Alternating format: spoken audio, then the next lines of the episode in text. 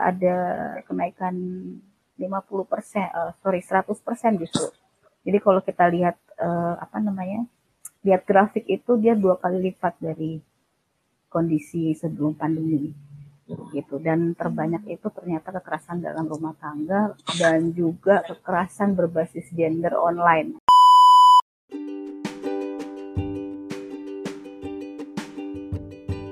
Hey girls, welcome back to podcast Grow Up UI, sesi kedua bersama Ibu Mariana.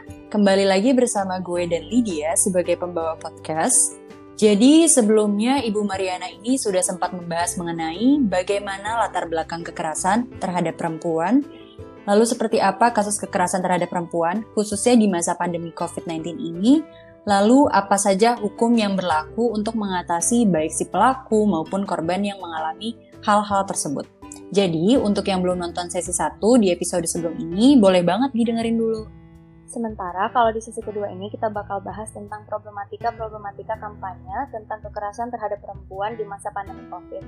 Dan juga kira-kira hal apa aja nih yang bisa dilakukan apabila terlibat atau melihat orang yang uh, terlibat dalam case kekerasan ini. Selain itu, kita juga akan menggali lebih dalam lagi tentang peranan mahasiswa, masyarakat, dan juga pemerintah dalam menghadapi atau menanggapi kasus kekerasan terhadap perempuan di situasi sekarang ini. Nah, untuk itu kami persilahkan Bu Mariana untuk mengatakan itu. Uh, soal kampanyenya, uh, menurut saya penting juga kita pikirkan untuk melibatkan laki-laki, baik dari unsur masyarakat atau mungkin anak muda di antaranya ya, bapak-bapak para suami gitu ya. Terus uh, apa hmm, pemerintah kemudian pejabat-pejabat tinggi yang yang sangat yang biasanya hanya mendengarkan tokoh-tokoh tertentu ya para tokoh agama, tokoh adat segala macam itu perlu dilibatkan juga untuk pemahaman soal kekerasan terhadap perempuan ini. Itu yang paling penting karena sumber dari kekerasan itu sendiri kan dari mereka kebanyakan ya yang uh, just yang yang alih-alih itu uh, kelompok kaum perempuannya sendiri juga kadang-kadang menyatakan itu hal yang wajar juga gitu. Tapi ini kan kelompok perempuan yang yang belum ada kesadaran ya. Kita anggap itu adalah belum ada kesadaran karena mereka nggak nggak nggak terakses informasi barangkali gitu. Nah bagi saya itu sih yang yang penting. Jadi uh, cara untuk uh, menjelaskan kepada mereka ini adalah melalui data. Dan data itu kemudian diformulasi menjadi uh, sebuah sebuah kebijakan atau rumusan penyelesaian. Meskipun hambatannya adalah lagi-lagi budaya dan kadang-kadang agama itu menjadi uh, apa menjadi tercampur dengan agama. Misalnya nih misalnya kekerasan dalam perkawinan gitu ya. Marital rape perkosaan dalam perkawinan itu masih dianggap nggak mungkin lah uh, ada perkosaan. Pasti suka sama suka dong kan suami istri gitu. Dan ketika istri mengalami perkosaan uh, mereka menolak itu ya. Istri kan harus siap untuk dilayani secara melayani secara seksual kepada suami.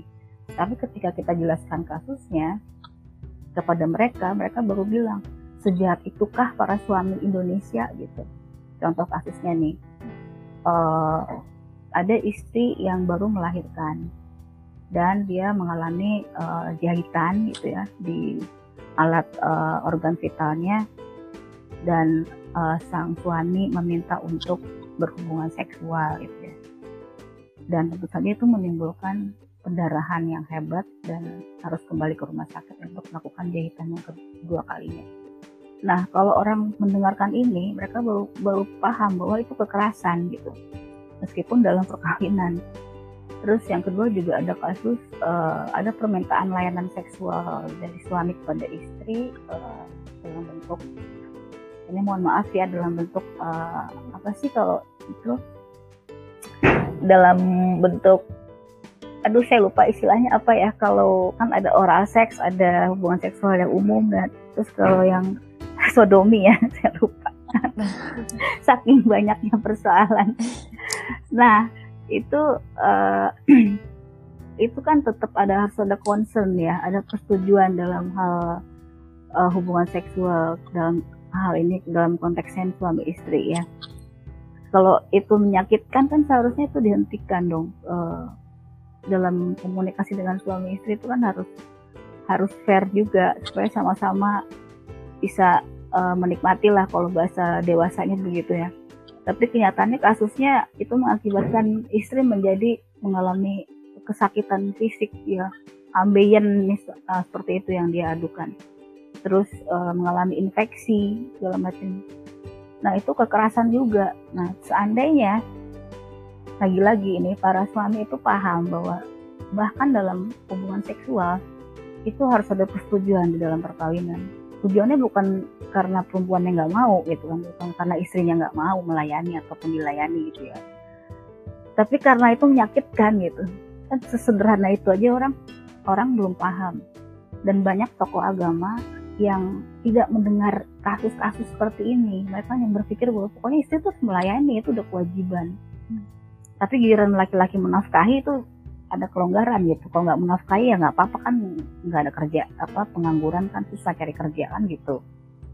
Nah itu itu contohnya aja. Jadi e, kalau kita mau kampanye itu perlu kasih tahu kasusnya dan kita kasih satu atau dua kasus yang membuat orang akhirnya oh iya ya itu kekerasan loh. Itu tega banget sih gitu kan. Harus ada keluar pernyataan itu dari hati mereka. Bahwa itu kekerasan dan itu nggak boleh gitu kira-kira dari saya.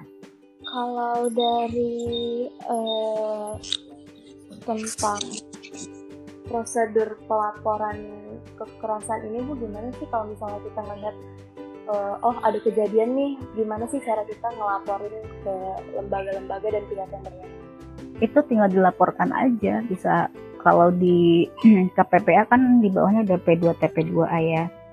Itu lembaga layanan yang siap menerima pelaporan. Dilaporkan aja. Ada juga uh, di bawah uh, Polri, kepolisian tuh juga ada unit pengaduan khusus ya untuk perempuan, untuk kekerasan terhadap perempuan tuh ada. Dilaporkan aja bisa datang kalau di Komnas Perempuan tuh bisa dat bisa datang tapi sekarang online ya karena Covid. Bisa telepon, bisa lewat uh, online. Tapi yang jadi persoalan adalah apakah si pelapor ini kuat gitu loh ketika dia mau melaporkan kasusnya. Kadang kalau kita yang mengalami sendiri rasanya males ya ngomong sama orang yang nggak kita kenal tentang apa yang kita alami gitu. Jadi kalau saya uh, bahkan sebelum ke pelaporan itu harus ada penguatan dulu di, dari para korban yang ingin mengadu. Dari teman-temannya dari sahabat-sahabatnya dari saudara-saudaranya dari orang tuanya misalnya prosedurnya sih semudah itu. Jadi datang aja lapor nanti prosesnya uh, akan ditanya uh, mereka mau dilakukan pendampingan hukum mau mengajukan kasusnya ini ke hukum atau mau penguatan psikis dulu. Karena kan biasanya korban itu jiw, jiwanya terguncang gitu. Bahkan ada yang sampai depresi berat uh, bahkan mengalami gangguan jiwa. Itu yang berbahaya. Kalau dia lapor dia proses hukum tapi kejiwaannya belum sehat kan bahaya juga kan yang ada makin terpuruk nanti gitu. Nah kalau mereka memilih untuk proses hukum ya kita akan uh, rujuk dampingan hukumnya. Kalau psikis kita akan rujuk uh, pendamping psik psikisnya. Aku pengen balik ke yang tadi yang tentang campaign tentang kekerasan terhadap perempuan itu bu.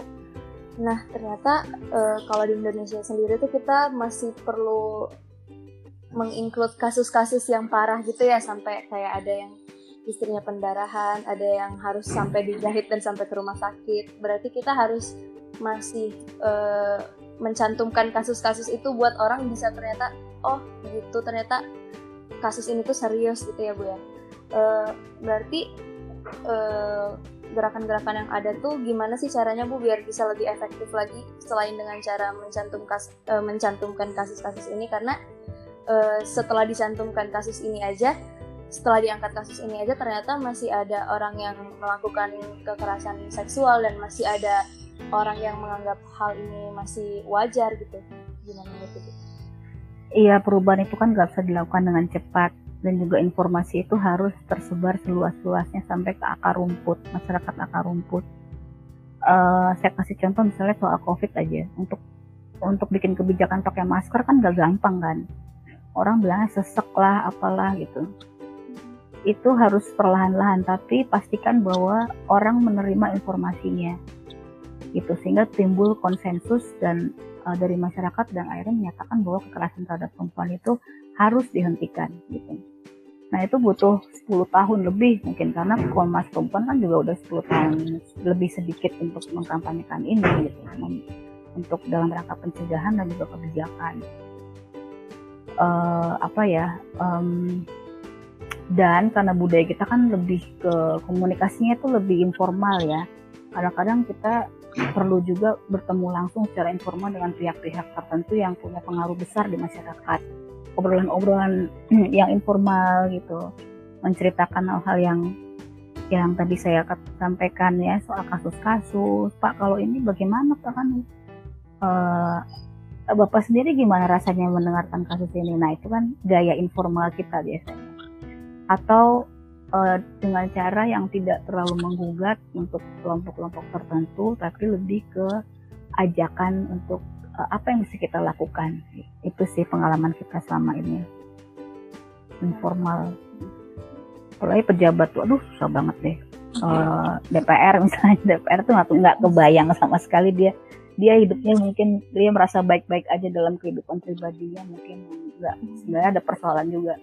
Tapi ya itu karena kita nggak pernah in, secara informal menceritakan ini pada mereka ya paling da, begitu keluarga mereka yang bercerita baru mereka bilang oh iya ya itu itu bahaya.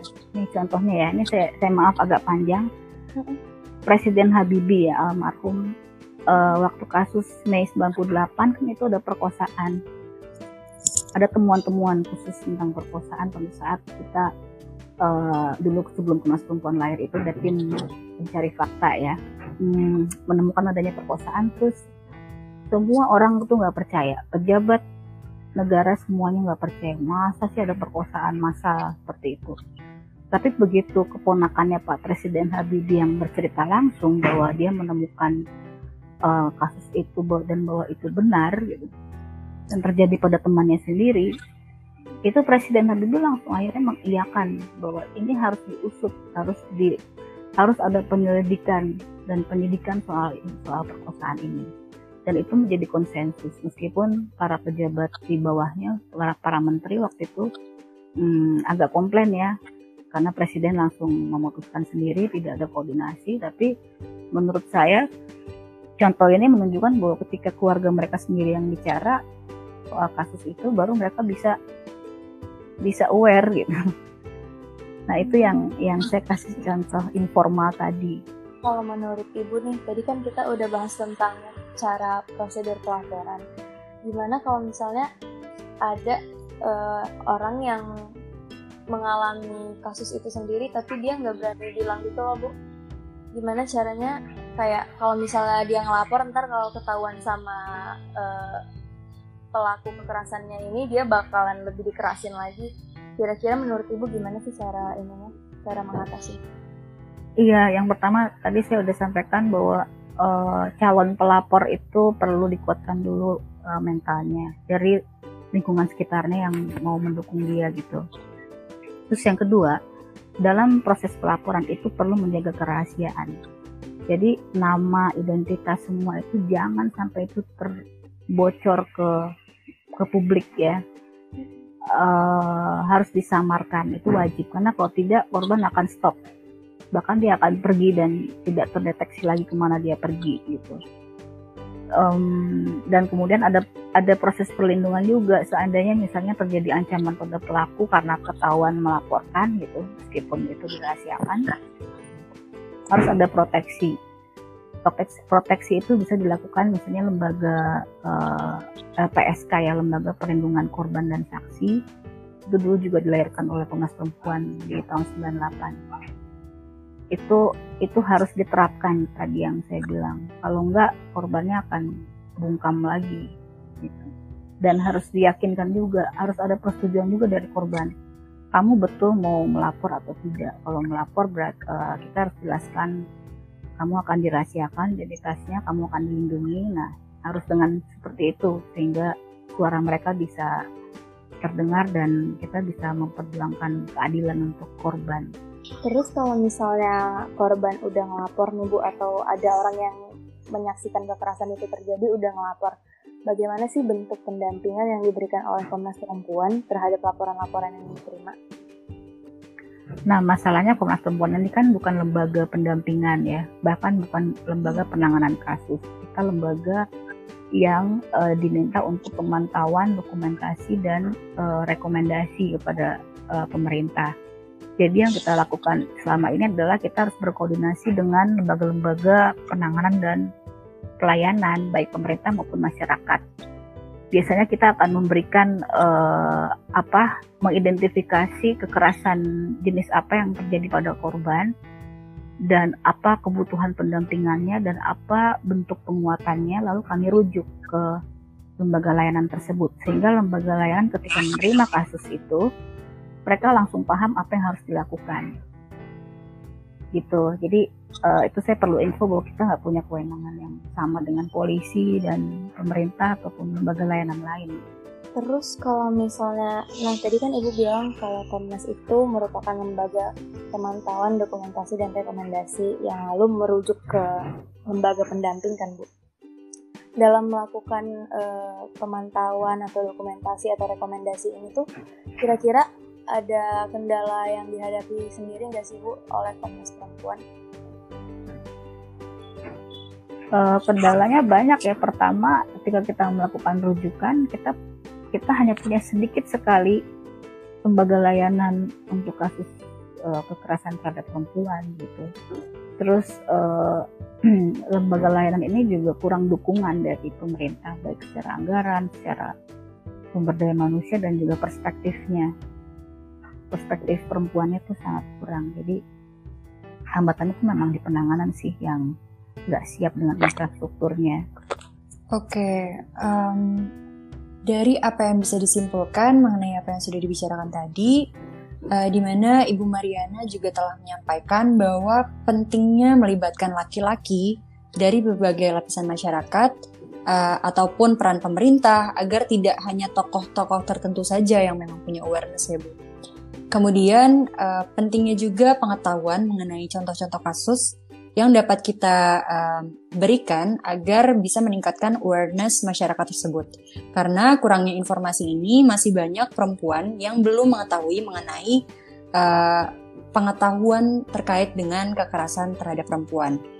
Lalu juga perlunya konsen atau kesadaran dan persetujuan antara pria dan wanita untuk melakukan uh, hubungan-hubungan mungkin uh, dalam tanda kutip atau uh, di pernikahan hubungan seksual uh, itu penting. Kemudian ada pelaporan online yang dapat dilakukan uh, bagi para pelapor uh, baik itu ke Komnas HAM, uh, ke Komnas Perempuan maupun untuk Polri sendiri. Terus um, si pelapor juga memiliki dua pilihan nih, apakah dia ingin langsung melapor atau dia butuh pendampingan terlebih dahulu jika terkait dengan uh, kondisi psikis yang belum mampu. Kemudian uh, kesimpulan yang paling penting adalah diperlukan adanya keadilan mengenai kasus kekerasan terhadap perempuan dengan tidak memandang golongan tertentu, baik dia golongan uh, bawah maupun menengah atau atas sekalipun semuanya diharuskan adil ya Bu, baik dari segi perlindungan uh, untuk korban maupun pengadilan bagi si pelaku apabila memang laporan tersebut sudah diangkat. Begitu ya Bu? Iya, karena undang-undang kita kan juga uh, secara konstitusional sudah mengatur bahwa setiap warga negara, jadi setiap warga negara itu ya perempuan, uh, laki, anak-anak segala macam lansia itu harus mendapatkan perlakuan yang sama, yang adil. Baik, jadi kesetaraan gender itu memang sampai saat ini masih menimbulkan konflik ya Bu di uh, antara komunitas kita. Lalu uh, mungkin itu saja uh, yang dapat kami sampaikan dan buat kalian nih yang masih pengen tanya-tanya atau sharing pengalaman kalian, misalnya pernah ketemu korban secara langsung atau bahkan pernah mengalaminya, boleh banget share sama kami lewat official Instagram di @girlupui.id. Uh, sekian podcast Girl Up UI kali ini bersama Ibu Mariana. Terima kasih banyak Ibu sudah mau hadir dan berbagi cerita dan ilmu untuk kami dan para audiens. Terima kasih Bu. Sama-sama ya. Sukses semuanya. Iya, semoga apa yang Ibu sampaikan hari ini dapat bermanfaat bagi kita semua. Amin. Sukses terus. Oke, kalau gitu gue dan Feli sekalian pamit undur diri. Terima kasih banyak buat yang udah dengerin dan jangan lupa untuk tungguin episode podcast kita selanjutnya. Bye. Bye.